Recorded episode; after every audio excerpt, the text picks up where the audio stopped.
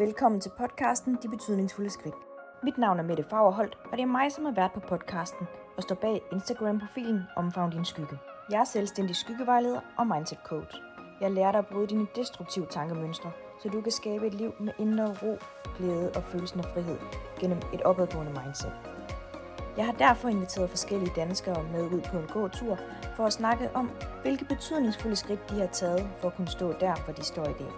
Mine gæster er modige, ærlige og ikke mindst inspirerende på så mange måder. De tager os med på deres livs rejse, deler åben og ærligt omkring den historie, som de har med i deres rygsæk. Det er derfor også vigtigt at huske på, at de er blot bare mennesker, med tanker og følelser, som de har handlet ud fra.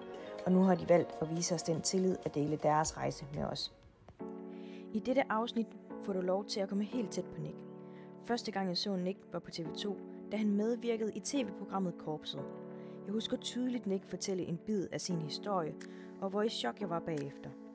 Derfor har jeg inviteret Nick med ud at gå, for at komme helt tæt på og høre hans historie, men ikke mindst, hvilke betydningsfulde skridt han har gået for at forvente sit liv fra at have levet et liv i et kæmpe kaos til i dag, hvor han nu går forrest ved at åbne op og inspirere andre, som har stået i samme båd ved at dele sin historie og er med til at give dem deres håb tilbage. Hej Nick. Hej. Tusind tak, fordi du vil med ud at gå. Jamen, øh, tak fordi jeg måtte. Ja, Det er altid dejligt at få lidt frisk luft. ja, det er altid I godt selskab. Ja, tak for det. Hvad hedder det, i dag skal vi snakke lidt omkring det her med at, øh, at leve et liv i kaos, Mm. øh, som, som du i hvert fald har, har levet i en del år. Ja, Først så tænker jeg lige, hvis du vil starte med at præsentere dig selv. det vil jeg meget gerne. Ja.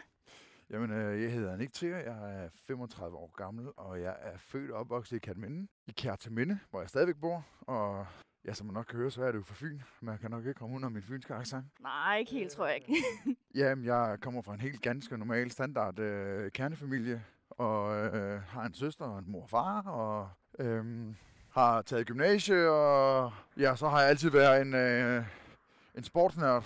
Spillet 12 år i håndbold, spillet på eliteplan, og så var jeg en del af det danske vandskilandshold fra jeg var ja, 11 til jeg var 15. Øh, og ligesom at der, hvor mit kaos det starter, da jeg blev ja, seksuelt misbrugt af en, af en mand der. Og så tog det jo så videre ud i et meget, meget langt narkomisbrug og en tømmeuddannelse og en gymnasieuddannelse, der ikke lige var, som det nok skulle være, når man var så påvirket på det tidspunkt. Øh, og så har jeg så taget en og så har jeg været selvstændig tømmer de sidste 10 år, og øh, har jo så taget den beslutning, jo, at jeg lukker min tømmervirksomhed inden for de næste øh, 6 måneder, øh, for at gå all in på at hjælpe mennesker, som har noget i, i bagagen, og noget, nogle mennesker, som sidder og føler sig ensomme, og har brug for den støtte, som jeg ikke fik dengang. Jeg havde et liv i kaos, fordi at jeg har jo rent faktisk, fra jeg er 10 år gammel, indtil jeg er ja, 28, hvor jeg havde min sidste overdosis. Det var, der, jeg har brugt over halvdelen af mit liv på at komme tilbage på kurs igen, ikke? Ja. Og det er jo bare, det er jo, ja, et eller andet sted, det er jo sørgeligt jo. Altså, jeg, det, som gør allermest ondt, det er jo, at jeg har mistet så meget tid med min familie. Mm. Øh, nogle minder og, og, og, og, tiden, som er det mest dyrebare, vi har jo, har, har ligesom, hvad kan man sige, fået stjålet fra mig, føler jeg jo lidt jo. Ja. Hvis jeg ikke ligesom var kommet ud i den løbbane. ja, fordi hvis vi lige så lige skal spole tiden tilbage og gå tilbage til der, da du var Mhm. 10 år. Ja. Hvad var det så, der, der skete dengang? Jamen, øh, der sker det, at, øh, at jeg begynder at stå på vandski. Sådan helt random. Øh, igennem sådan en weekend. Jeg sejlede faktisk op til Mistjolle, som er sådan en meget, meget lille sejlbåd. Mm. Og jeg fandt ud af, at, øh, at den var meget lille i forhold til mig, så jeg, jeg, jeg lidt svært ved at, skulle sidde stille i den der lille båd. Og øh, så helt random kommer vi til sådan en weekend, hvor øh, Kataminde Vanskeklub og Kataminde Sejlklub, de ligesom bytter, så vi kan prøve hinandens sportsgren. Ja. Og så kommer jeg så ud på et sæt vandski og finder ud af, at det var bare det, jeg skal. Så fuck den der skide båd der, og så øh, fik jeg et sæt vandski, og så stak det sådan lidt. Øh, jamen, der, det gik jo ikke mere end et års tid, hvor jeg ligesom fandt ud af, okay, det, det var jeg faktisk ret dygtig til. Og, øh, men igen, det var også noget, jeg gjorde rigtig meget, så det man øver rigtig meget af det, man bliver god til jo. Ja. Øhm, så fik jeg så chancen for at komme til København og blev introduceret for nogle mennesker over i København, hvor der, hvor der så var den her ene person, som var, øhm, hvad kan man sige, en god, et godt springbræt for at komme videre i systemet, for at blive endnu bedre, og måske få lov til at stå sammen med landsholdet, du ved. Der bevæger du dig sammen med andre mennesker, jamen, så bliver du jo også bedre. Ja. Og det gjorde jo så, at, øh, at jeg kom derover, og så begyndte jeg jo så at bo ved den her mand. Og øh, øhm, jamen, øh, vi kom over til det her sted, hvor, øh, han har røven fuld af penge. Mm. Øh, man kommer over som en lille 10-årig knægt, og man forstår slet ikke den her verden her. Øh, kæmpe swimmingpool, store biler, eget fly, og altså, det var sådan en helt ekstrem vild oplevelse, så man blev sådan helt købt. Ja. Øhm, så samtidig med, at man blev købt, jamen, så fik jeg lov til at stå sammen med de bedste vanskeløbere, og blev trænet af den bedste øh, træner i hele verden, en der hedder Ray Stokes fra Australien, så det var sådan helt... Ja, man Øh. levede, følte lidt, at man levede drømmen. Det gjorde man, Ja. og jeg, jeg, jeg fik nogle muligheder, øh, som jeg ikke havde turde drømme om for, inden for meget, meget kort tid. Så øh, der var så bare det, at så for der, jeg bor jo så ved ham inden, øh, ud af ind af huset, fra jeg er de der 10-11 år indtil jeg fylder 15. Øhm, og i perioder er det jo meget, meget lang tid i gangen. Øh, rejser med ham om vinteren, USA, Australien, vi er i flere måneder og rejser rigtig meget. Og så i hele den her periode her, er jo så, at jeg finder ud af, at manden han er pædofil. Mm. Øh, det ved jeg ikke, om jeg finder ud af. Han, han gør i hvert fald nogle ting ved mig, som, som jeg synes er meget mærkeligt. Og Ja. ja. nogle ting, som overskrider min grænse rigtig, rigtig meget. Øhm, jeg sådan lidt svært ved at navigere i det til at starte med. Øhm, fordi jeg var jo faktisk et sted i mit liv, hvor jeg ikke vidste, hvad det var. Ja. Altså, jeg vidste, jeg, jeg vidste ikke engang, hvordan du stadig til pædofil. Jeg vidste ikke, hvad ordet betød. Mm-mm. Jeg var ikke seksuelt aktiv. Øhm, Men vidste du, at det, altså, det var forkert? Ja, det, det, det, jeg ved ikke, om jeg vidste, det var forkert, mm. men jeg kunne bare, det, det, det var, der var noget inde i mig, der bare sagde nej. Ja. Altså, jeg blev ked af det, og jeg græd meget, når det skete, og øh, prøvede at lægge mig til at sove, og vågne op hver om natten, ved at der skete nogle mærkelige ting, og øhm, ja, så, så jo, inderst inde, der vidste jeg godt, det var forkert, for forkert, men jeg tror bare, at det var så grænseoverskridende for mig. Det var så traumatiserende, at den her mand, som jeg stolede på, ja, undskyld mit sprog, men simpelthen lå under ned på mig, og jeg vågnede om natten, mm. ikke? Mm. Øh, og- så det var sådan virkelig en mærkelig følelse. Øh, men jeg var godt klar over, at det var forkert, men jeg tror bare, at, at det var nemmere at bilde mig selv ind, at det var noget, jeg drømte. Ja. Og det var nemmere at bilde mig selv ind, at det, det skete faktisk ikke. Så, øh, og så da jeg ja, de der 15-16 år, så tager jeg et møde med Team Danmark øh, sammen med min far, hvor jeg ligesom lyver dem lige op i ansigtet, og der siger, at jamen, øh, jeg har mistet pusten på det her, jeg gider ikke mere. Og det var ligesom min way out for at komme væk fra den her mand, for jeg, jeg, jeg kunne simpelthen ikke leve i det længere. Nej. Og så er det jo så bare, at mit liv tager. Altså på det tidspunkt der, der var jeg, der var der sket meget med mig, øh, rent personligt. Altså gået fra at være øh, mors lille kæledække, der aldrig nogensinde har gjort noget i folkeskolen. Ja. Øh, passet min skole, aldrig pjekket. Øh, til lige pludselig at være et, en udadreagerende møgdreng, som var overhovedet ikke inden for pædagogisk rækkevidde. Jeg var pisse ligeglad med det hele. Øh, og det hjalp jo så heller ikke, at jeg begyndte at tage alle de her stoffer, så ligesom var, det var en nem måde at flygte på, Ja. for ligesom at flytte fra, øh, flygte fra alle de her tanker. Ja, og dulme alt, alt det, du havde inde Ja. der, ikke? Og så tog det ene jo bare det andet, og man blev mere og mere afhængig af det her, og lige pludselig så kunne man leve i en ros, hvor man altid havde det godt. Og selvom der også var dage, hvor det bare var noget fucking lort, jamen så bød det lige pludselig oftere og oftere. Mm. Og i lange perioder, jamen så var jeg jo ikke, ja, hvad hedder sådan noget, sober, ikke ja. påvirket. Øhm, og det gjorde jo så også, at jeg som 20-årig vågnede på hospitalet, øh, fordi jeg simpelthen har taget så mange stoffer, at jeg har fået en overdosis. Og øh, vågnede op ved mine forældre, står nede for enden af sengen, gavlen ude på hospitalet der, og man bare ligger der. Fuck. Men, men inden at du nåede dertil, hvad var det så, altså i den, hvad hedder det, sådan femårige periode, hvor, hvor du var meget i København og sådan nogle ting? Ja. Hvad var det for, no, altså, for nogle tanker omkring det hele, der, der sådan påvirkede dig? Oh, Hvad, hvad, hvad, hvilke følelser stod du med dengang? Hvad var, ja, hvad var det for nogle, nogle tanker, du havde omkring dig selv, der gjorde, at, altså, jeg tror bare, jeg følte mig, øh, følte mig ulækker. ja, Øh, jeg følte mig simpelthen klam og øh, ha- havde brug for at, at træne rigtig meget og havde brug for at føle, at, at jeg var maskulin. Øh, fordi at, altså, jeg, jeg, jeg følte, du ved, altså, hvis han rører ved mig, altså, så jeg, man vil være sådan vemmes helt ved sig selv. Og øh, havde det bare generelt øh, rigtig svært ved at være i min egen krop.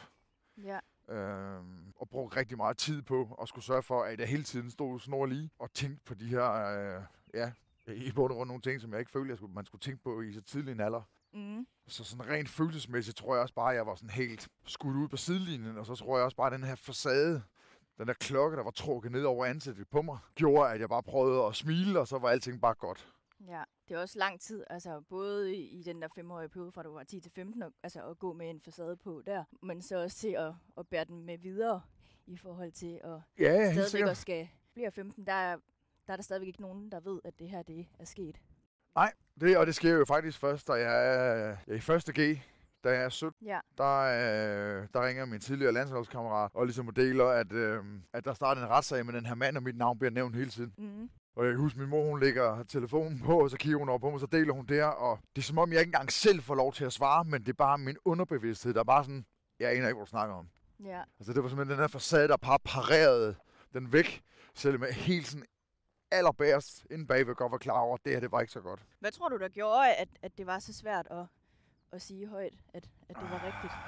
Jamen, jeg kunne jo prøve at spørge dig selv, hvad, prøve at sætte dig ind i, og skulle dele med dine forældre, af en af de mennesker, som de stolede rigtig meget på, rigtig meget tillid på, havde misbrugt deres eget barn igennem flere år. Og jeg tror ikke engang, vi kan sætte os ind i det, for jeg ved, at vi er begge to ikke forældre, men mm. Jeg ved, hvad det gør ved forældre. Lige så meget, fordi jeg har haft rigtig mange af dem i telefonen inden for de sidste 14 dage, på grund af alt, hvad der er i luften lige nu. Ja, Øh, så at man har det der med sit barn, den der kærlighed, man har til sit barn. Så jeg tror bare, det var svært at pakke ud til ens forældre, at, at jeg havde det helvede til, jeg havde det røven til, at den her mand havde gjort de her ting ved mig. Øhm, åh, du ved, jeg, jeg havde bare den her skam, jeg skammede mig helt vildt, og jeg vidste simpelthen ikke, hvordan jeg skulle pakke det ud. Jeg, jeg, jeg, var, jeg var bange for, hvad, hvad deres reaktion ville være, og ikke fordi, at, altså, jeg, jeg, jeg ved jo, uden tvivl, de vil elske mig, kramme mig og give mig al den støtte, hvad det har jeg altid fået. Jeg har verdens bedste forældre. Øhm, men det var bare utrolig svært. Øh, jeg kan huske, at min, resten af min familie, øh, jeg skulle fortælle om min kæreste på daværende tidspunkt også, som var med mig i retssagen. Jamen, der sad jeg altid og afleverede et brev fra politiet, fordi jeg vidste ikke, hvad jeg skulle sige. ja, Det, det var, det, jeg tror bare, det var rigtig svært at åbne op omkring. Og højst sandsynligt, fordi jeg følte mig ensom. Altså, jeg følte mig alene i verden. Jeg troede, jeg var den eneste i verden, der var blevet udsat for det der. For jeg havde jo ikke nogen andre mennesker at spejle mig i, eller... nej, det, og det er jo nok heller ikke noget, man sådan, det er jo også lidt det her med at bryde tabuet.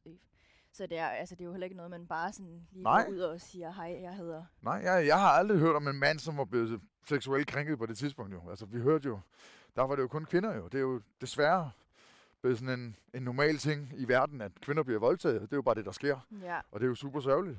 Så, øh, men ja, og så ringer, øh, jeg parerer den ligesom af, og så ringer, øh, jeg tror faktisk, det var Helsingør politi. Og jeg kan virkelig ikke huske, om det er en uge, eller om det er en måned, eller om det er to måneder efter, eller hvordan. Der, det er i hvert fald ikke så lang tid efter. Og de deler så den samme historie. Og så står jeg lidt der. Okay, nu kan jeg ikke lyve for mine forældre læ- længere, og du ved. Og så det eneste, der bare ligesom kom ud af min mund, det var bare, at det, de fortæller, det er sandt. ja, Og så er det ligesom om, at det hele bare bliver meget tomt, og ah, du ved, man, man ved ikke rigtig, hvordan man skal kommunikere, og jeg er bare ham, der forlader huset og tager endnu flere stoffer, og så lige pludselig så sidder jeg til forhør med en politibetjent, som skal sidde og høre, hvad der er sket, ikke? ja. Og det var sgu også en mærkelig følelse. Altså det, jeg tror, det er den første gang, og den eneste, hvor jeg har sådan detaljeret, hvad jeg kan huske, Mm. Øh, fordi jeg har også mange sorte huller fra den gang.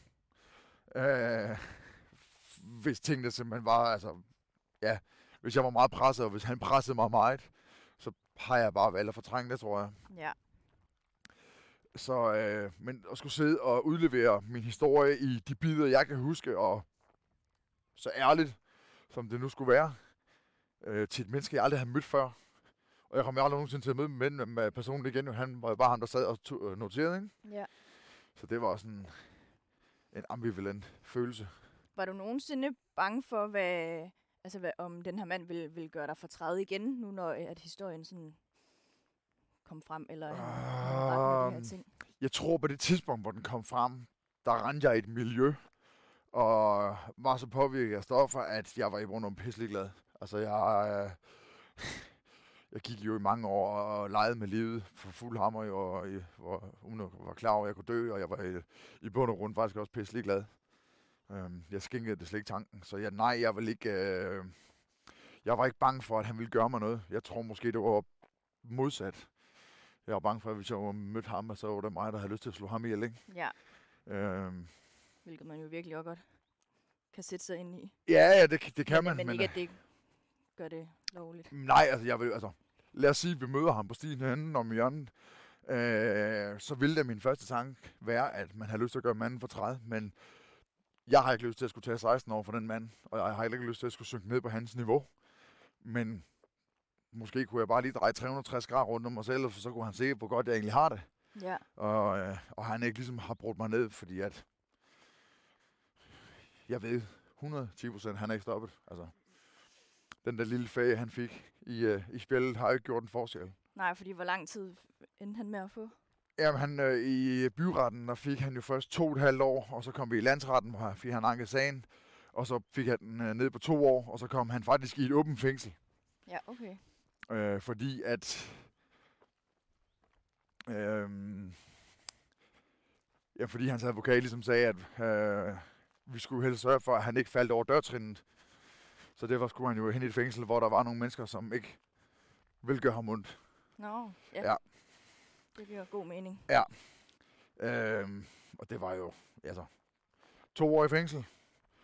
Vi var fem drenge, der vidnede, og en meget, meget lang liste af mennesker, som ikke turde se ham i øjnene, og ikke turde at gøre det, som vi gjorde jo. Ja, okay, så, Så- der, var, så der var flere Det var der. havde Der var sager i USA, der var sager i Frankrig, tror jeg faktisk også, der var øh, med ham, fordi han har en lejlighed dernede, og han, jeg har rejst jo meget med os jo, men Ja. fordi at de var over 10 år for gamle, jamen, så er sagen forældet. Mm, Øh, fordi så havde det været en helt anden strafferamme, men strafferammen omkring det her er jo bare for lav. Ja. Jeg synes jo ikke, at fem menneskers liv kan gøres op på to år, og så kommer manden ud igen, og så starter han forfra. nej, nej, nej, overhovedet ikke. Det er jo også helt vildt, at, altså, at det kan lade sig gøre i det, altså, i det system, vi har. Jeg, jeg synes, det er... øh, Og det gælder både mænd og kvinder. Jeg synes simpelthen ikke, at strafferammen er høj nok, når man gør sådan noget der, fordi at man går simpelthen ind og river en sjæl fra hinanden. Ja. Man tager simpelthen, jeg undskyld mit sprog, og tager ens rygshold, så trækker man den lige ud gennem røven.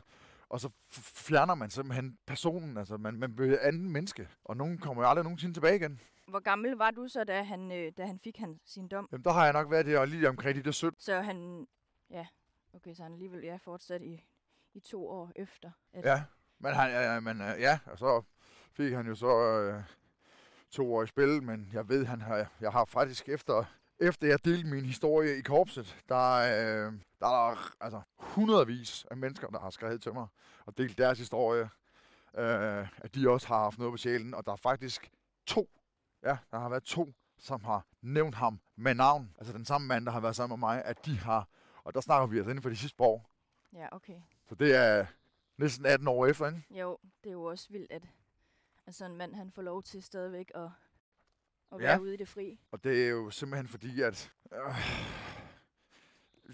jamen, de burde få, i stedet for to år, skulle han have 20 år. Og så kunne man øh, måske snakke om, at han kan få lov til at komme ud efter 10, hvis man har grebet de her mennesker ordentligt. Altså, i, i min verden, så er det jo en brist, de har op i hovedet. Altså, de er syge. Ja. Øh, så i min verden, så burde vi kunne hjælpe de her mennesker her.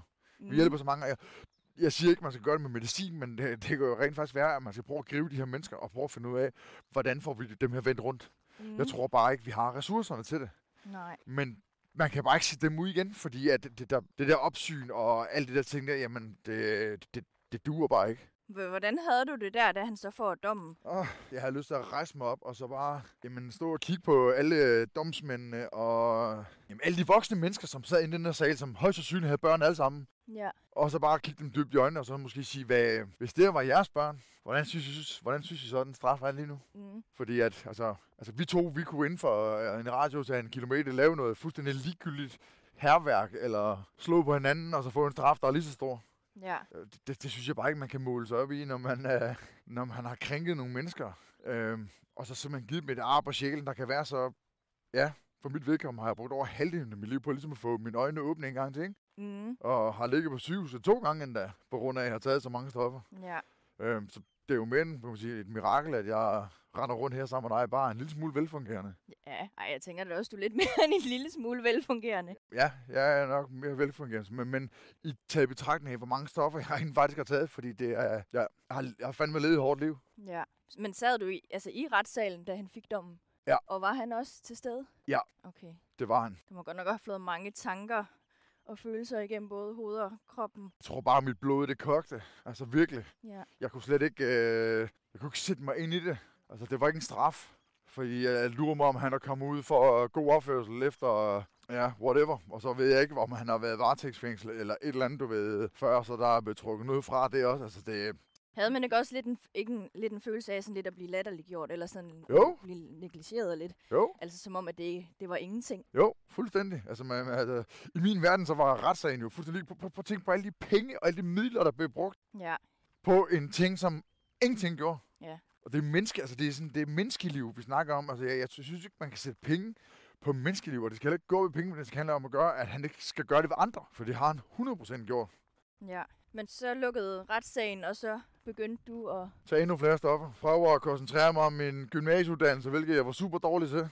Ja. Var ved at blive smidt ud i 3G, fordi de sagde, at jeg var fysisk et sted, men mentalt et andet sted. Mm. Jeg tog øh, voldsomt mange steroider, røg has hver dag, tog narko for fuld hammer, øh, ecstasy, kokain, amfetamin, MDMA, ketamin, alle former for piller, øh, nervemedicin, øh, alt hvad vi kunne komme i nærheden af, alt hvad jeg kunne blive påvirket af. Mm. Øhm, jeg var pisse usund, og at jeg kom igennem gymnasiet og fik, rent faktisk fik min hue på, er men et mirakel. Det var vist også kun lige på grænsen, men jeg var på ingen måde til stede, og så jeg ender det jo faktisk med, at et år tid efter, eller et halvt år efter, jeg er færdig med gymnasiet, så ligger jeg på sygehuset første gang.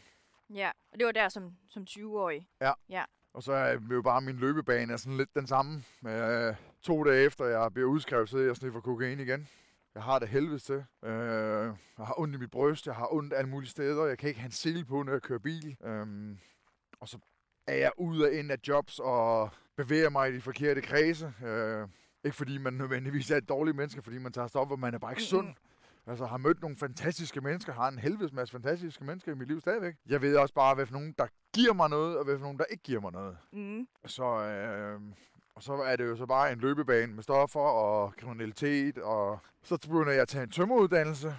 Og det var simpelthen, fordi min far han tog mig nakken. Jeg havde levet som en bums i en lejlighed et par år, og røg has fra morgen til aften, og var på kontanthjælp, og kunne ikke forsørge mig selv. Min mor kom ned og fyldte mit køleskab op med mad, og jamen, jeg var bare virkelig... Ja, Men den, for, den formåede, jeg kan jo så regne ud, at du formåede at gennemføre nu, når du har din egen tømmervirksomhed. Ja, jamen, det, det gjorde jeg også. Var, men så begyndte jeg sådan... Min far han nærmest trak mig ud af sengen om morgenen, fordi mm. jeg gad ikke. Nej. Altså, min far var tømmer, min onkel var tømmer, min fætter var tømmer. Jeg synes, det var fucking lort. Altså, jeg havde det. Jeg havde det.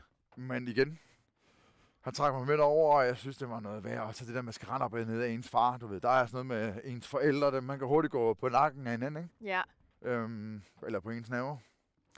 Og det gjorde vi jo super meget også. Jeg var også bare øh, i en tid, hvor jeg bare var en kæmpe idiot. Så, øhm, men jeg kom igennem og begyndte at interessere mig mere og mere for det her fag, og så... Øh, Og hvor gammel er du der, hvor du, hvor du starter i tømmerfaget? Og jeg tror, jeg må være 21, 22. Hej. Nej. Jeg er nok 21, 22 stykker. Ja. Og du ved, og igen, øh, der er flyder stadigvæk med stoffer, og går i en klasse, hvor, der, hvor der også er folk, der gør det jo. Så det er jo det er sådan lidt ligegyldigt, hvor man bevæger sig. Ja. Altså fordi, at du, du, man, man suger de mennesker til, som man selv udstråler også. Mm. Og jeg var jo bare sådan en. Øh, og så får jeg taget den og rejser til Norge i et halvt års tid og finder ud af, at det var heller ikke det. Og op i Norge, der tager jeg også voldsomt mange, eller ikke voldsomt, men der er- florerer jeg i hvert fald også stoffer derop, og vi gjorde det den tid, jeg var deroppe. Ja. Øhm, og finder ud af, at det var sgu egentlig ikke mig. Og så kommer jeg hjem og finder et andet øh, arbejde på Fyn, og ja, så bliver man... Øh, så blev man sådan halvt presset ud i noget selvstændigt, jeg ikke lige helt var klar på, og det endte også i noget, i noget knap så fedt, fordi at de mennesker, jeg var sammen med mig, de var faktisk ikke særlig søde. Mm-mm. Øh, Og hvad betyder det, når du siger, at de ikke var særlig søde? Jamen, det betyder, at, øh, at de mennesker, som jeg følte var mine bedste kammerater og min familie på det tidspunkt, de øh, begyndte at blive nogle, ja, nogle modbydelige møgsvin, for at sige det mildt. De øh, var konstant efter mig, og jeg lavede fejl, og jeg var stadigvæk meget grøn inden for tømmerfag, men der var bare ingen hjælp at hente. De var konstant efter mig, konstant på nakken. Altså, det var som om, man bare var sådan lidt... Man gik fra at være deres bedste venner til at lige pludselig være et sort for, fordi at man skulle sende dem en regning, som de lige pludselig skulle betale. Og Ja. det endte faktisk med, at jeg gik, gik fuldstændig ned med flaget og sagde, at jeg kan ikke arbejde mere til sidst. Og så lukkede jeg min tømmervirksomhed efter seks måneder. Mm. Og så, øh, ja, så følte jeg jo bare, at livet gik i stå igen, og jeg ikke kunne noget som helst, og jeg var en taber, og, og ja, jeg er nærmest bare en, en stor undskyldning. Så, øh, og igen får min familie ligesom rettet mig op, og, og så begynder jeg at, at knokle røven ud af bukserne hen over en sommer, og øh, får hvad det er, banket det lån af, jeg har i banken på alt det lort, jeg har lavet. Og det var alligevel en 200-300.000 kroner på alt. Ja, alle de fester, ballade og alle de øh, ting, jeg har fået lavet igennem tiden. Så har jeg lige fået hamret mig en overtræk på noget, lige lidt over en kvart million, og så plus minus frem og tilbage med nogle forskellige ting. Ja, så der var lige noget, der lige skulle, Ja. skulle indhentes. Ja. Og så køber jeg mig en firmabil, og så starter jeg sådan mit firma op igen, nyt navn, og så, øh, ja, så har jeg faktisk bare holdt foden på speederen lige siden. Mm. Og nu jeg har jeg drevet min virksomhed i næsten 10 år, og har aldrig manglet arbejde, har et fantastisk netværk, der fodrer mig med det. Jeg har aldrig haft reklamer på min bil, fordi det har ikke været nødvendigt. Øh, Jeg har virkelig et fantastisk netværk, og priser mig meget lykkelig for alle de mennesker, som ja, er med til at, at gøre, at jeg ikke skal, ligesom skal tænke over, hvordan jeg får en indkomst. Ja. Men hvordan, fordi nu kan jeg jo godt lidt hoved, hovedregning, og du siger, at du er altså 35 og så 10 år tilbage, Ja. og du var 28, da du sådan Ja. kom helt ud Ja. af, af dit misbrug. Ja. Hvad, altså, hvad, hvad gjorde skiftet til, at du, Ja, men det var jo nok... stofferne? Altså, så da jeg startede selvstændig igen, øh, begyndte jeg at bevæge mig i nogle lidt øh, bedre kredse, og sammen med en, øh, en, øh, en god kammerat, som jeg betegner mig som en, ja, ligesom min bror, Mm. øh, som bare var et rigtig sund pust, øh, styr på tingene, og øh, bare en rigtig god udgave. Øh, ja, en rollemodel. En, en, Ja. god, en god rollemodel. En, en, man kunne se op til. Øhm, så han bevæge, begyndte jeg at bevæge mig en del mere, så, så, så alt det der med, at der var stoffer hver weekend, det begyndte at blive mindre og mindre, og øh, hassen var, var stoppet.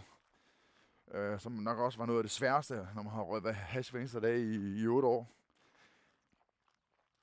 Og så øh, skulle vi jo lige pludselig, jeg har jo taget til fester i Holland i 10-11 år, hvor vi har stået med 50-100.000 mennesker i 10-12 timer og brændt den af. Og, Ja, til nogle af de der psychedelic fester. Og, Ja, hardstyle, hardcore, hele vejen rundt. ja. Øhm, så det har været, det har været nogle, altså, det har uden tvivl været nogle ret vilde oplevelser, men det var også øh, hårdt for kroppen. Og så øh, mente jeg lige pludselig, at jeg skulle til en fest. Jeg stod faktisk med et dårligt ben, fordi to må, øh, par uger før måske, eller en måned, jeg kan ikke. Der styrede jeg på snowboard og kom hjem med gips til knæet. Mm. Øh, fordi de mente, jeg havde revet ledbånd over det her, så ikke, men den var bare ret presset med benene. Men alligevel så skulle jeg til Holland og brage den af på et dansegulv dernede, og det gjorde jeg også. Det endte så bare med, at, øh, ja, at jeg, jeg kan ikke styre det. Øh, det kan ikke blive stærkt nok, det kan ikke blive kraftigt nok, det kan ikke blive vildt nok, og jeg troede lige pludselig, at jeg var 18, og så, øh, ja, så endte det jo med, at jeg blev slæbt ud af en lejlighed af politiet og ambulanceredder, og ja, men jeg var bare stensikker på, at jeg skulle dø igen. Ja. Så øh, ind på hospitalet der og vågner op, og sygeplejersken, øh, ja, hun er fuldstændig, altså jeg er, jeg er slet ikke sammenhængende, og jeg siger de samme ting, og kan ikke huske, hun har været der, og det, er- Er det noget, du kan huske det her, eller er det noget, du har fået fortalt? det er noget, jeg har fået fortalt. Okay, ja. Øhm, det, det er noget, hun fortæller mig, for hun griner, for hun... Jeg kan huske det, men det er tredje gang, hun fortæller mig, og hun siger, jamen det kan du huske, jeg har været her. Så siger hvad mener du? Så siger, det er det første gang, vi snakker sammen. Så det siger, det er tredje gang, vi har den samtale her nu. Og så vil jeg godt, altså, du ved. Og det var så det, hvor jeg, nu begyndte min hjerne at fungere, så jeg, nu var jeg godt klar over, så siger okay, det er ikke så ret der. Så, øhm, ja, og så skammede jeg mig bare helt vildt. Jeg kunne ikke forstå, hvordan jeg kunne komme derud igen. Øh, og så tror jeg ligesom, det gik op for mig, hvad fanden det var, jeg egentlig jeg lavede. Øh, og havde rigtig været, sla- været svært ved at slippe den tanke om, hvor, hvor, at jeg rent faktisk skulle dø af det her, og jamen, hvad alle de mennesker, som vil savne mig, og, og dem, jeg sådan rent faktisk pisser på, min familie. Mm. Så jeg tror bare, at jeg tog ligesom den beslutning, at nu, nu skulle det bare være nok. Så, øhm, og så begyndte jeg så at løbe, som så har været den allerstørste, øh, hvad hedder sådan noget, terapeutiske medicin, jeg har brugt for ligesom at skulle styre den afhængighed, jeg havde. Mm. Øh, så jeg gjorde faktisk bare, at jeg erstattede et misbrug med et nyt misbrug. Ja. Og det gjorde jeg så, at jeg begyndte at løbe solen sort jo. Ja, fordi du har lavet nogle ret vilde ting efter, ved jeg. Ja. Nogle lidt ekstreme Ja. sportsgrene. Jamen, øh, jeg begynder at løbe, og så... Øh, jamen, øh, efter ret kort tid, så er der en, der spørger, om jeg vil med til sådan et forhindringsløb. Også kaldet OCR-løb, som også er meget op i tiden lige i øjeblikket. Øhm, og jeg var sådan lidt... Ah, der var mange mennesker, og jeg var, kunne godt mærke den der sociale øh, angst, der var, den, den pressede mig også lidt. Men jeg tager så med, og jeg gennemførte et løb, og man får medaljer om halsen, du ved sådan. Så det, det var det der med, at jeg kom fra A til B, hvor nemt det var for mig, fordi at jeg altid har været en sportsnørd, og du ved, det der med, at jeg skulle bevæge kroppen, jamen, det havde jeg ikke nogen problem med, og det der med, at jeg skulle presse sig selv og være hård ved sig selv, det var jeg verdensmester i. Ja. Men det var den der sejr. Jeg fik det der stykke metal, som et eller andet sted er en ligegyldig materiel, tom ting, du lige får om halsen, men når den kommer om halsen på dig, så føler du lige pludselig, jamen så var jeg et eller andet. Ja. Øh, så den der lille bitte sejr gjorde bare, at den bare... At det var som en eksplosion inde i min krop, der gjorde, at så skulle jeg bare prøve alt. Øh, ja, og så det næste år, der har jeg været i... Året efter, jamen, der har jeg jo så nødt at præstere og været med i 30 forskellige løb i 8 forskellige lande, og lige pludselig så stod jeg til verdensmesterskaberne i Kanada, som har også uden tvivl var en af de vildeste oplevelser, og jeg Altså, og verdensmesterskaberne i, i, forhindringsløb. i forhindringsløb. Okay. Ja. ja. Øhm, der løb vi på faktisk et ski-resort i Canada. Der var bare ikke noget sne, Nej, okay. men det var stadigvæk op ad de Ja. bjerge, ikke? Så, og det var... Og igen, så begynder jeg at møde nogle flere og flere mennesker, og nogle i, i et meget, meget sundere miljø. Øhm, folk, der er nørder, ligesom mig selv. Folk, der går sindssygt meget på deres træning, og, og så begynder det så småt at åbne øh, en masse døre, som jeg så hopper ind og ud af. Og det gør jo så, at jeg lige pludselig øh, får, øh, får et input fra min mor, om at man laver sådan noget stafet for livet i løb. Ja. Øh, og jeg havde en veninde, som havde kraft, og min mor siger, Nick, du skal løbe for hende. Og jeg har ikke lige haft så meget øh, havde sådan noget, kontakt til hende, og jeg vidste, at hun havde det rigtig skidt. Så, og havde to små børn. Så jeg havde ikke ligesom lyst til at skulle ja. jeg har ikke øh, lyst til at skulle øh, presse mig på. Nå, men jeg får så skrevet til hende, øh, er det okay, at jeg løber, det er sådan en 24 timers løb. Ja. Man skal løbe i 24 timer, og så skulle man øh, løbe, se, hvor mange runder man kunne løbe, og så kunne man så samle penge ind til kraftens bekæmpelse.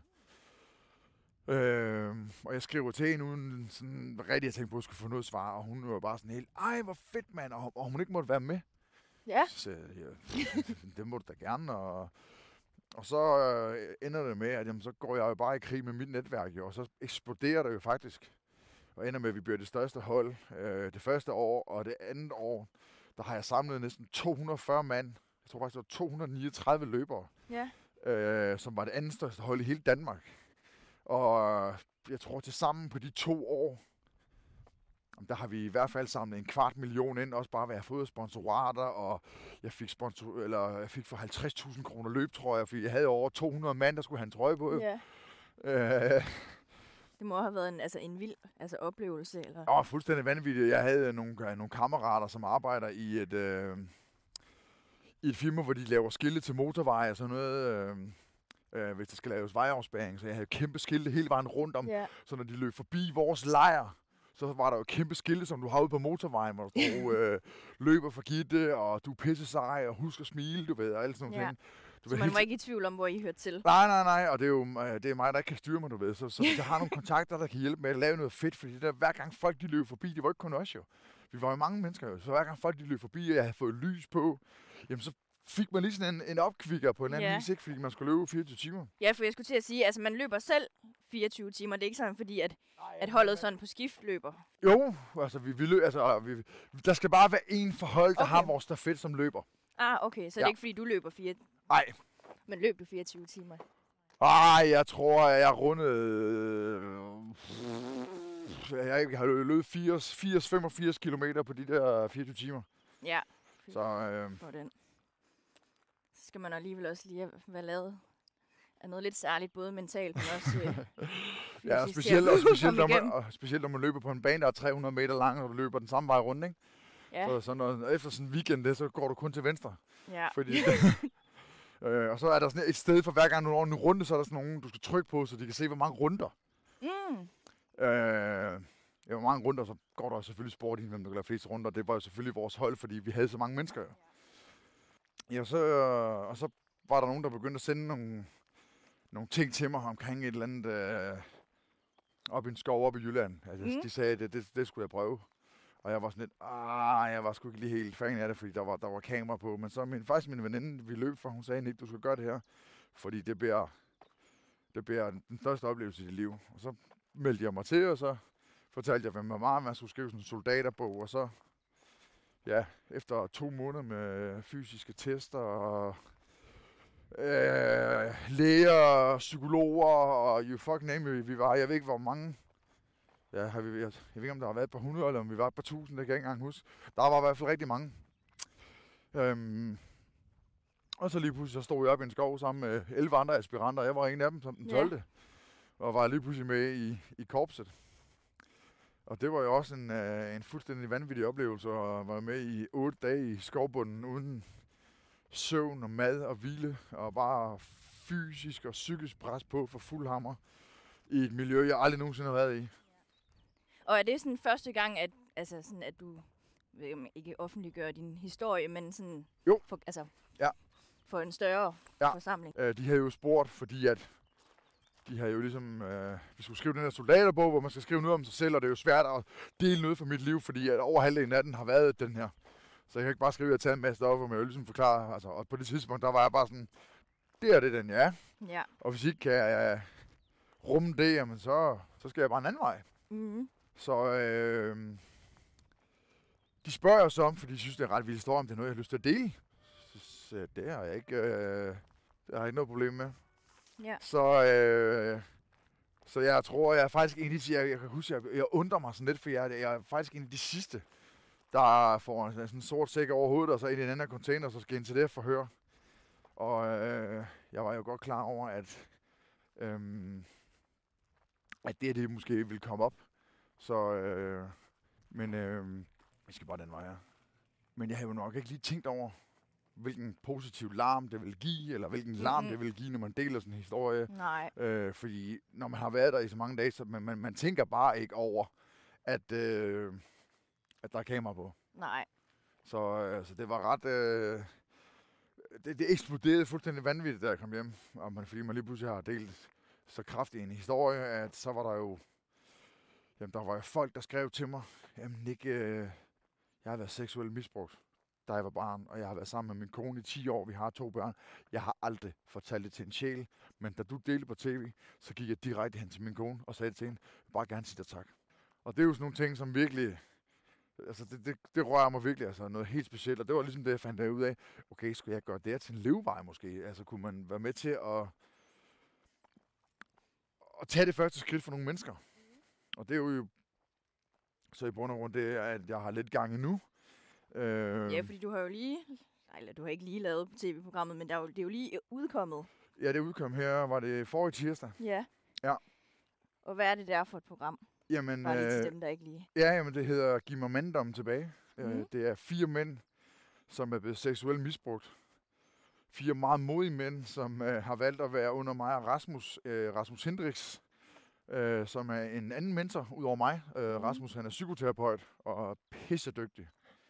Øh, nok en af de dygtigste mennesker, jeg nogensinde har mødt. Øh, og han har ligesom også været med til at åbne op for mig og fundet ud af, jamen, øh, der er også meget mere end Nick, og Nick han kan endnu mere, og der er nogle forskellige øh, måder at, øh, at jeg kan gribe mine ting an for at blive en endnu bedre udgave af mig selv, og måske er jeg heller ikke helt færdig med at arbejde med mig selv, og bliver vi nogensinde færdige med at arbejde med os selv? Ja, det tror jeg nemlig ikke rigtig. Nej, lige præcis.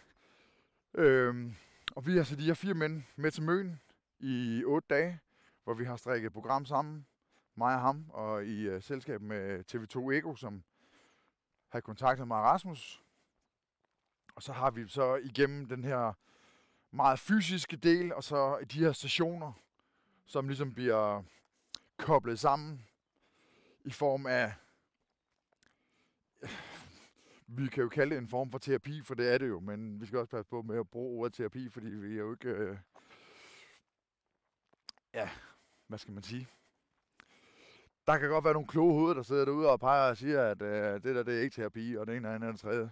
Men, men det var det jo en form for. Øh, og vi skulle jo faktisk bare vise dem, at de ikke var alene. Øh, vi, de, de skulle have et rum. Vi skulle give dem et rum, hvor det var okay at være dem selv. Fordi der sad fire mænd, der var fuldstændig knækket. De følte sig ensomme igen. Det der med at føle sig ensomme med de ting, man har med i bagagen. Og så skulle de jo, ja, så skulle mig og Rasmus faktisk bare vise dem vejen. Eller bare. Vi skulle øh, prøve at se, om vi kunne ligesom bryde det her mørke mønster, de har levet i i rigtig, rigtig mange år. Og så igen, øh, bare det der med, at de kunne være sig selv, få lov til at, at snakke om de her ting, få lov til at snakke om, hvad, hvad for noget medicin de tager, og få lov til at dele deres historie. Altså, øh, de var faktisk ikke klar over, da vi står nede på Refsaløen, og de skal med op og springe i den her 70 meter høje kran sammen med mig. Der var de klar over, at mig og Rasmus var blevet seksuelt misbrugt også. Nej, okay. Indtil de møder os, og jeg introducerer og ligesom fortæller dem, at grunden til, at vi står her, er fordi vi er i præcis samme båd. Øhm, så da vi om aftenen faktisk deler vores historie med Rasmus, der øh, kan man også godt mærke på dem, at de har det rigtig svært. Altså, de har det rigtig svært ved at skal se og høre på vores historier, selvom de har deres egen. Øhm, fordi det har de ikke prøvet før. Men det gjorde jo så også bare, at alle fire mænd lige pludselig fik lyst til at dele deres historie. Og det gjorde de. Så det hele programmet ligesom handler om, det er jo ligesom, at, at vi har et kæmpe tabu omkring mænd, og, som har blevet udsat for overgreb på den ene eller den anden måde. Og vi skal ligesom prøve at bryde det her tabu her. Fordi at, øh, som vi også har snakket om, at, øh, at voldtægt imod kvinder og, og seksuel overgreb mod kvinder er bare blevet sådan en, en dagligdag ting, som er fuldstændig forkert. Altså, det, det, det burde altså mænd og kvinder burde jo ikke være... Vi burde være ligestillet, også på det område. Men vi kan bare ikke øh, se bort fra, at der er noget... Øh, vi mænd skal passe for kvinderne. Vi er øh, de maskuline, vi er de store, vi er de stærke. Det er os, der ligesom skal have overblikket, og det har man bare ikke, når man bliver udsat for de her ting. Og det er også bare, jamen, hvorfor slår vi ikke fra os? Hvorfor siger vi ikke nej? Hvorfor gør vi ikke modstand? Øh, hvad der sker med os, når man kommer ind i de der tanker og følelser og bliver udsat for det der traume? Øh, fordi man i bund og grund er jo i et kæmpe chok. Var det også nogle af de sådan, tan- tanker og følelser, du stod med dengang, altså, at, at du følte lidt, at din, din manddom var blevet sådan taget fra dig? Jeg tror måske ikke, at, at, at jeg, det var den følelse, jeg havde dengang. Nej. Øh, men jeg vidste i hvert fald bare, at jeg... Men, men det er præcis det samme mønster. Altså, det er det der med, at altså, øh, de hader deres egen kroppe, de føler sig ulækre, de føler sig klamme, øh, de føler sig ikke noget værd. Øh, vi har haft igennem nogle forskellige øvelser, hvor de øh, øh, skulle ned i øh, nogle kar med is. Øh, og faktisk, at der er kun en af dem, som kan sætte sig ned i kart. Kun iført shorts, men de tre andre har tøj på, fordi at de simpelthen hader sig selv så meget. De, har, de kan simpelthen ikke holde deres egen krop ud, fordi de føler sig ulækre. Øhm, og det der med Morten, øh, ham den skaldede frisør, øhm, hvor Rasmus sidder og siger til ham, jamen, hvordan vil det egentlig lyde at skulle sige nogle positive ting om Morten? Så, det vidste han ikke. Det har han aldrig prøvet, fordi han hader sig selv så meget. Det er jo lidt skræmmende, ikke? Jo, Øh, en meget. mand i en alder af 30 år, Ja. og Morten er det mest fantastiske menneske, og det mest glade mand at, at være i rum med. Altså, han er simpelthen, ja, folk fortjener en chance. Og det er jo ligesom det, vi, øh, vi vil gerne give den støtte, som vi selv føler, vi fik dengang. Fordi skal vi ind igennem vores kære system, som gør et fantastisk stykke arbejde igennem psykiatrien osv., men der er simpelthen bare ikke midlerne til det, og der er simpelthen bare nogle gange, så har man brug for, at det er folk, som ikke har lært de her ting igennem en bog, eller har læst, eller, eller uddannet til det, men rent faktisk har noget erfaring, ja. så man kan, ligesom kan være i øjenhøjde med hinanden, så man ikke går ind og bliver, her der har du nummer, du bliver sat op i den kaste, for det er det, du passer ind, og så kan du lige vente til, det bliver din tur. Og det er så indviklet og uoverskueligt et system, at jamen, de taber bare rigtig mange mennesker på vejen. Men fik du hjælp til det dengang, til at bearbejde det? Øh, jeg fik en krisepsykolog, ja. som jeg skulle komme til visse antal gange. Øh, og det gjorde jeg, fordi jeg skulle, men jeg var pisselig glad. Men igen, vi, altså, øh, ikke fordi hun ikke var god, det var hun sikkert, men, men hun så ikke, hun så mig ikke. Hun så virkelig ikke, hvem Nick var. Fordi at hvis hun havde kigget rigtig godt efter, så kunne hun se, at jeg var en dreng, der var pisse ligeglad med at være der. Øh, fordi at jeg var hammerne væk på stoffer, og snakkede hende efter munden, og gjorde bare præcis det der. Ligesom, så hvis der nu havde været et menneske til stede, som måske havde været i samme løbbane, eller havde noget erfaring på en eller anden vis, ja, så kan hun se på, ikke? Det er ikke lige sådan, vi skal, vi skal øh, skubbe til Nick lige nu, fordi han har faktisk bare brug for at blive grebet lige der, hvor han var. Vi skal ikke snakke om de ting, der er sket, men vi skal snakke om de ting, der er lige nu. Øh, fordi det var, det, var, det var der, jeg havde brug for at få et kram. Øh, så jo, jeg fik hjælpen, men der var... Så har jeg haft en tre-fire andre psykologer efterfølgende, som bare var... Øh, som, til de mennesker, som har gået ved psykolog, de kan nok genkende det der med, at man skal føle sig tryg. Man skal have de rigtige rammer, øh, for at man ligesom føler, at man får noget ud af det her. Så skal man simpelthen også bare være et sted i sit liv, hvor man kan, kan tage imod alle de her ting. Øh, den sidste psykolog, jeg har brugt, har ændret mit liv fuldstændig. Mm. Øh, hvad, hvad har hun gjort til forskel for de andre? Eller tænker du mere, at det handler om, at du, var, at du har været mere modtagelig over for også at få hjælp? Ja, og så sad hun også bare sådan helt Jamen, hun, hun, var bare så... Øh, jamen, hun kunne være så rolig. Men jeg følte faktisk, at hun gav mig den største sviner, den største skideball, men der var bare noget respekt, fordi hun bare var i gennemført. Der, der var den her tryghed. Jeg følte bare, at jeg kunne dele hvad som helst, og hver gang jeg gik ud af døren, selvfølgelig, jeg havde begge hænderne over overhovedet, ikke? Ja. Øhm, og så var det bare sådan, du ved, jeg følte lidt, nogle gange, så følte man nogle gange, det var de meget banale ting, som fyldte helt vildt meget i sit liv, men så siger hun bare, hun kunne bare sådan, nej. Øhm, og det der med, at jeg lige pludselig, men jeg, jeg kunne forstå, at det var normalt at have en dårlig dag. Fordi jeg brugte jo altid en eller anden form for rusmiddel eller andet til, så jeg hele tiden bare havde det godt og var glad, du ved. Så sådan, jamen ikke, du har ikke en depression. Det, det er simpelthen bare, det, det, det er normalt at have en dårlig dag. Så hun var ikke, øh, hun, var, hun, hun er den eneste, ud af alle de andre, som ikke havde tilbudt mig, at jeg skulle have lykkepiller eller et eller andet, ved, som jeg har sagt pænt nej tak til, øh, med det pillemisbrug, jeg har haft, alt muligt andet, så vidste jeg bare, at det, der, det var en rigtig dårlig plan. Så hun så også lidt sådan igennem dig, havde jeg sagt. Hun havde, ja, det gjorde. Altså, hun havde gennemskuddet dig, eller ja, hvad man skal sige. helt sikkert. Altså, hun, hun, havde, hun havde noget erfaring, der gjorde, at øh, der, var ikke så meget... Øh, altså, du, du kunne ikke lyve for hende. Så, øh, så jo, så fik jeg noget hjælp, da jeg gik i 10. klasse. Øh, det var med noget afvænding, og det var helt til grin. Øh, fordi at, øh, jeg skulle aflevere en pisprøve hver fredag, hvor man så stikker sådan nogle ting ned, så de kan måle, hvad jeg om jeg har røget eller taget stoffer, eller et eller andet, du ved. Og det første, hun siger til mig, det er, der er bare lige én ting, du skal huske, det er, du skal lige lade være med at drikke så meget vand, når du kommer herind, fordi at, du ved, når man drikker rigtig meget væske, så bliver ens urin lyst. Ja. Det vil sige, det bliver svært for dem at måle de her ting. Mm. Så jeg bare var sådan, undskyld, sagde du lige fortalte mig, hvad jeg skulle gøre for at snyde dig? Ja, det gav Og så var jeg bare sådan, ej, det, det, og så, og så gjorde hun det igen med, med de hårde stoffer. Jamen, det er forresten, de sidder kun i kroppen fra to til syv dage i forhold til, når vi skal måle det med, med den her, på den her metode her. Så hvis du sveder rigtig meget, så kan vi heller ikke måle det, så du må ikke... Øh, og på det tidspunkt, der tror jeg, jeg har i hvert fald været tæt på de 100 kilo, hvis jeg ikke har været over. Jeg var kæmpe skideskuer. Ja. Fuldstændig pumpet på steroider, og jeg svedte som svin. Så altså igen, jeg, jeg tror, jeg brugte et halvt år derinde. Måske ja. mindre. Og jeg fik ikke noget af det, for jeg snød dem. Ja. Så den hjælp, altså jeg, havde, altså, jeg blev slet ikke set og hørt på nogen måder. Øh, fordi jeg snakkede bare efter munden. Ja. Det, er jo, det lyder jo helt... Det ved jeg ikke, om man må sige åndssvagt, men det lyder jo helt åndssvagt, Det er godt. når, når du fortæller det. Det er meget åndssvagt. Hvordan har du sådan i dag, i forhold til nogle af de sådan, altså, konsekvenser, der har altså, været, både øh, fra da du altså, blev misbrugt, men også bare sådan, ja, igennem livet, er du sta- bliver du stadigvæk altså, ramt af, af, altså, af traumet? Um, der er noget i mig, og det vil der altid være. Altså, jeg, der, jeg kan nok ikke komme udenom, jeg har et ar på sjælen, som gør, at øh, hvad kan man kalde det, jeg har nogle tics igennem, som jeg vil have resten af mit liv. Men det, er- det, det er ikke noget, der fylder i min hverdag længere.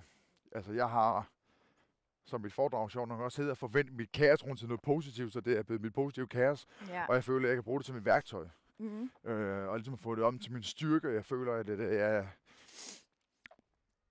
Jeg føler, at det er min helt egen personlige superkraft, som jeg har brug for at dele ud til andre. Mm. Øhm, Så det er lidt, du bruger det lidt som din, som din drivkraft Ja, i dag? det gør jeg. Uden tvivl, da jeg har siddet og set de her programmer her, jeg har været slået ud, jeg har været ked af det. Øh, I den uge, vi var afsted med det, der har der også været nogle ting frem og tilbage. Altså fordi, at du kan jo ikke undgå, at du har med de her mænd at gøre her, og du har det selv inde på livet, at der er nogle ting, der går op, og så har jeg bare brugt Rasmus, som er en sindssygt vild sparringspartner, og øh, skal man lige have karm, eller skal man lige se det fra den her vinkel? Han kan virkelig bare, han er bare dygtig, altså virkelig bare sådan Mhm. gennemført dygtig til at ligesom få drejet, men prøv nu at høre, prøv nu lige at tænke heroverfaringer. Og prøv nu lige at gøre sådan her, og hvis nu lige siger, jeg, har, jeg, jeg, jeg kommer rigtig meget til at sige mand, Ja, i stedet for jeg. ja. og så frelægger man sig lidt øh, Præcis. Og, han, og han, han retter mig i til, konstant, og jeg, det er sådan først, du ved, det, til at starte med sådan, hvorfor fanden, hold op med at sidde og rette mig. Jamen prøv nu at høre, når du siger jeg, så sådan, sådan, sådan, sådan, sådan, og, og han har jo fuldstændig ret. Ja. Man skal lidt med frelægge sig ansvar, og jeg har ikke lyst til at frelægge mig ansvar. Jeg er udmærket godt klar over, hvad jeg har gjort, og hvad jeg ikke har gjort, og jeg, øh, ja, jeg har lavet en rigtig, rigtig mange fucked up ting. Øh, og jeg ønsker på ingen måde, at der er nogen, der skal igennem nogle af de ting, jeg har lavet, eller blevet udsat for.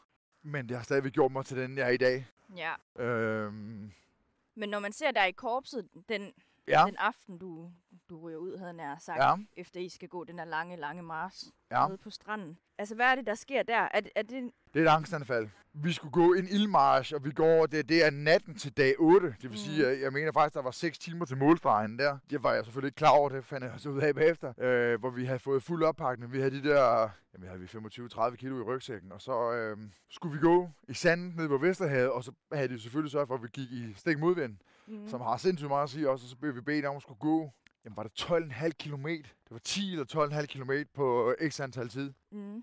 Øh, og jeg har, altså der, der var flere der var øh, habile løbere, og vi var godt klar over, at hvis vi nu gik sådan her, så vi- mente vi, så gik vi omkring, ja, x antal øh, kilometer i timen, så skulle vi nok nå det. Mm. Og så da vi ligesom nåede omkring midnat der, og vi kunne se, at nu var tiden ved at rende ud, og vi kunne se det der lys, der det pludselig kom til syne, så vidste jeg bare, at fordi jeg vidste, at vejen derhen, det var mad. Ja. Hvis vi kom derhen, så ville vi få mad. Og det kunne min hjerne bare ikke. Øh, jeg var så sulten, og jeg var så træt, og jeg var så udmattet, og min krop kører bare på de... Øh, fordi det, som påvirker min angst, det er ingen søvn, ingen Mm. mad, ingen restitution. Ja. Altså det, det er fordi, at altså, stofferne har presset min krop i så mange år, at den til sidst skubber mig ud af grænsen. Det har jeg så også bare gjort, det er, at jeg nu har Okay, så det, er de- det er stofferne, der har, hvad hedder det? ja, udløst min angst. Så jeg ved, at når min krop den kommer derud, og den begynder at køre på de sidste reserver, jamen så øh, er det det, jeg skal begynde at passe på, og det er jeg nok bare rigtig dårlig til. Ja. Øh, fordi at jeg er nok ikke typen, der siger af, når det går ondt, men jeg har ham, der ligger så nede, og så var det ligesom at få et spark i hovedet af en hest. Mm. Og så kan jeg ikke rigtig huske så meget derfra, og jeg husker faktisk ikke engang, at, øh, at jeg mister mit armbind. Mm-mm. Det første, da jeg ligesom kommer... Jamen går der, jeg ved ikke, om der går en times tid, jeg kommer til mig selv op i en bil, og øh, der er nogen, der bare kværner slik ned i munden på mig, for at jeg skal få noget sukker, og jeg er sådan helt øh, besvimer flere gange, og, og det er jo bare, hvad jeg har fået fortalt. Ja. Øhm, så øh, det var, det vil sige, at da jeg selv så det på tv, der, øh, der, der, der må jeg sige, der knækkede jeg. Jeg har aldrig nogensinde set mig selv med en angstanfald, og det er bare ikke særlig rart. Mm-mm. Øhm, og det er heller ikke, altså... Hvis jeg var i blandet publikum med nogle gode bekendte, eller sammen med dig lige nu, jamen, så vil jeg øh, skynde mig at gå min vej. Ja. Fordi at folk skal ikke se øh, mig med det her. Det er... Fordi den eneste tanke, jeg har oppe i hovedet, det er nemlig også, at jeg skal dø. Ja. Så øh, ja.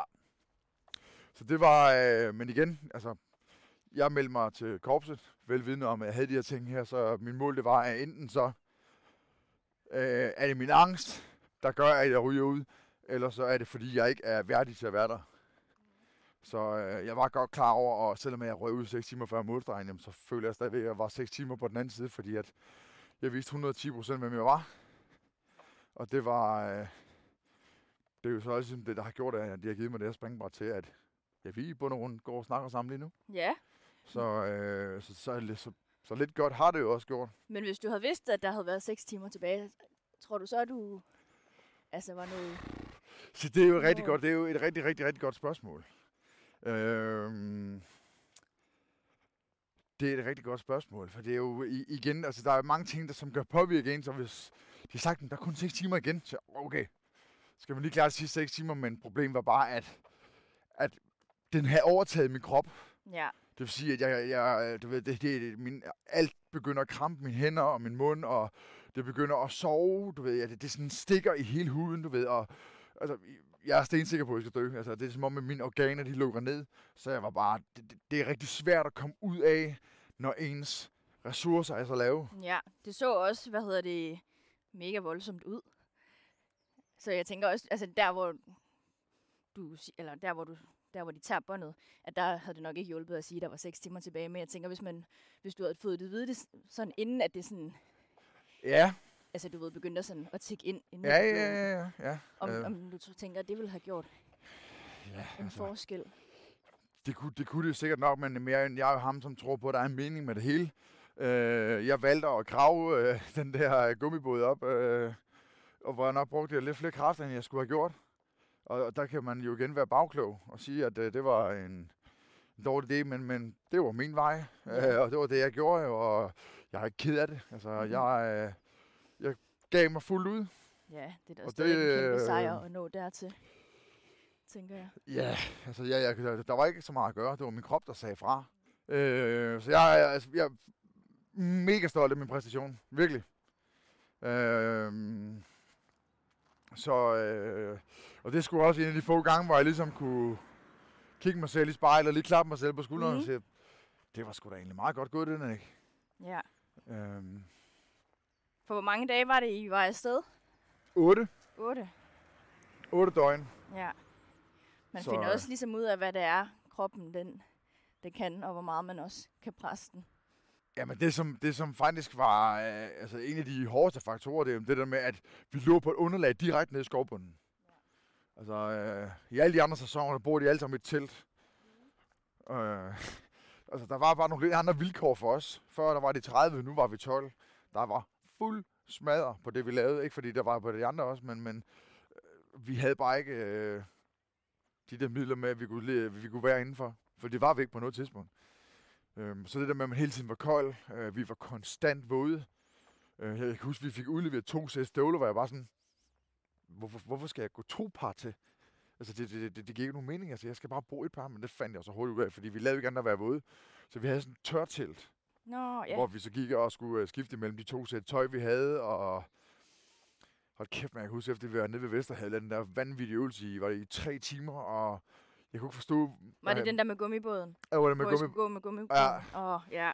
Altså, Jamen, hvor jeg kan næsten ikke se den. Jeg får helt ondt i. Jeg kan i sige, jeg havde, jeg, havde et sår, jeg havde et sår hele vejen hen over min hovedbund. ja. Fordi vi har rendt rundt med den gummibåd så længe, og så fik vi lov til at gå den med den om natten igen også jo. Mm. Det var helt, helt sindssygt. Øh, men mit tøj var, var simpelthen... Øh, jeg kunne ikke forstå, hvorfor det var så tungt. Mm-mm. Men selvfølgelig fordi det var så fyldt med sand. Der var så meget sand i, Ja. efter vi havde ligget nede i vandkanten, og det bare skyllet ind over os. Ja, der, Ja. Kan virkelig, der kan virkelig godt komme meget sand, selvom man tænker, at man er nede, bare nede i vandet. Ja. Det samme, okay, man kan ikke helt sammenligne det, men når man er på ferie, og man bader, Ja. ude i, altså, så har man føler man, at hele ens bikini den Ja. er fyldt med sand. Ja, ja, ja. Altså, vil sige sådan, jeg, jeg har lavet mange vanvittige ting, og, og, og lige den øvelse nede på Vesterhav, den er, den er i top 3 Ja, over øh, de ting, jeg føler har presset mig mest. okay. Hvad for en ting har presset dig mest så? Jamen, øh, det er jo nok, da jeg valgte at tage til Vaseløbet i Sverige, øh, som er 90 km langrand, Ja. øh, og være så dum og ikke rigtig træne op til det. Og så have stået på langrendski en gang før i mit liv, som var 14 dage, 3 uger før. Og hvis du kan stå på langrendski før, så er det ligesom at tage... Øh, det er ligesom at skal lære at holde balancen på et sæt skøjter for første gang, Mm. Som er vanvittigt svært. Og så stod sammen med 16.000 mennesker, og så skal I igennem 90 km, så det var jo bare... Jeg tror, jeg kom igennem på 10 timer og 3 minutter, og i 5 timer af dem, der stod det bare nede i- altså med sne, og det var, det var en ret vanvittig oplevelse. Men altså, hvad er det, der... Altså, hvad er det, der gør, du har lyst til at gøre sådan nogle sindssyge ting? Uh, jamen, jeg tror bare, du ved, det det der med, at, at, at det er fordi, jeg har...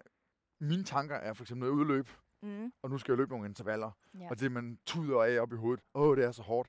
Men når man løber intervaller, så er intervallerne jo inden for et tidsestimat, der hedder maks et par minutter. ja. Så jeg sætter det altid tingene op i tid. Har jeg virkelig to minutter i mit liv lige nu, til jeg lige kan løbe stærkt? Ja. Altså det er to minutter, vi snakker om. Det er to gange 60 sekunder. Mm. Så det, jeg har det meget med, at når jeg synes, tingene er svære, så gør jeg det op i tid. Øh, og så tænker jeg, jamen, Så tænkte så havde du lige 10 timer i dit liv. jeg var så ikke lige klar over, at jeg skulle, til, at jeg skulle bruge 10 timer på det, men rent faktisk bare det, at jeg gennemførte. Ja. Fordi Altså, at, hvad havde du så tænkt, at du skulle bruge på det, hvis du ikke skulle bruge Altså, jeg synes, det er 10 timer, det er da meget flot. øh, jamen, det ved jeg faktisk ikke. Jeg, jeg, jeg tror faktisk bare, at min målsætning var, at jeg kom igennem, fordi at vi var 16.000 mennesker. Ja. Og jeg var allerbagest i køen i det sidste felt, fordi det var første gang, jeg var med. Ja. Det vil sige, at der var cirka 15.000 mennesker foran mig. Mm. Det vil sige, at der er rigtig mange mennesker, man skal passere, hvis man er hurtigere end de andre. Ja. Og, øh, men det var nok mere den der tanke, det der med, at man, jeg skulle faktisk bare fra A til B. Ja. Så, så det kunne jeg godt, og jeg vidste godt, at jeg kunne presse mig selv, og jeg vidste godt, at, at jeg har den der øh, sted, der bare gør, at jeg okser på. Mm. Og 10 timer efter, der kommer jeg i mål som nummer 7.500 et eller andet, mener jeg. Det vil sige, at jeg har brugt 10 timer på at overfalde, eller overhale hele, halvdelen af feltet. Ja. Samtidig med, at der var 2.000, som slet ikke kom i mål, på grund af, at det er så ekstreme forhold, var i. Ja. Så, øh, så jeg tror, man, jeg, jeg kan nok heller ikke undgå, at uden at det skulle forkert, at jeg tænder en lille smule på, at når tingene er hårde, jamen så er det det, at jeg, øh, jeg bare presser på. Ja. Når tingene går ondt, så trykker jeg på speederen. Ja. Så, så det, jeg synes er svært, øh, ikke fordi jeg skal hoppe ud af spørgsmålet, men det er for eksempel det sværeste, jeg kender lige nu, det er at skal sidde stille. Det vil sige, at så har jeg det sidste halvår, så har jeg så valgt at stå op klokken kvart i fire om morgenen, fordi jeg skal sætte mig over min sofa og læse. Og det er noget det, jeg har aller, aller sværest, det er, at jeg skal sætte mig ned med en bog. Så nu har jeg prøvet at udfordre mig, Mm. mm. stik modsat. Og hvordan er det gået? Ja, det går super godt. jeg, jeg, jeg, nyder det, jeg elsker mine morgener.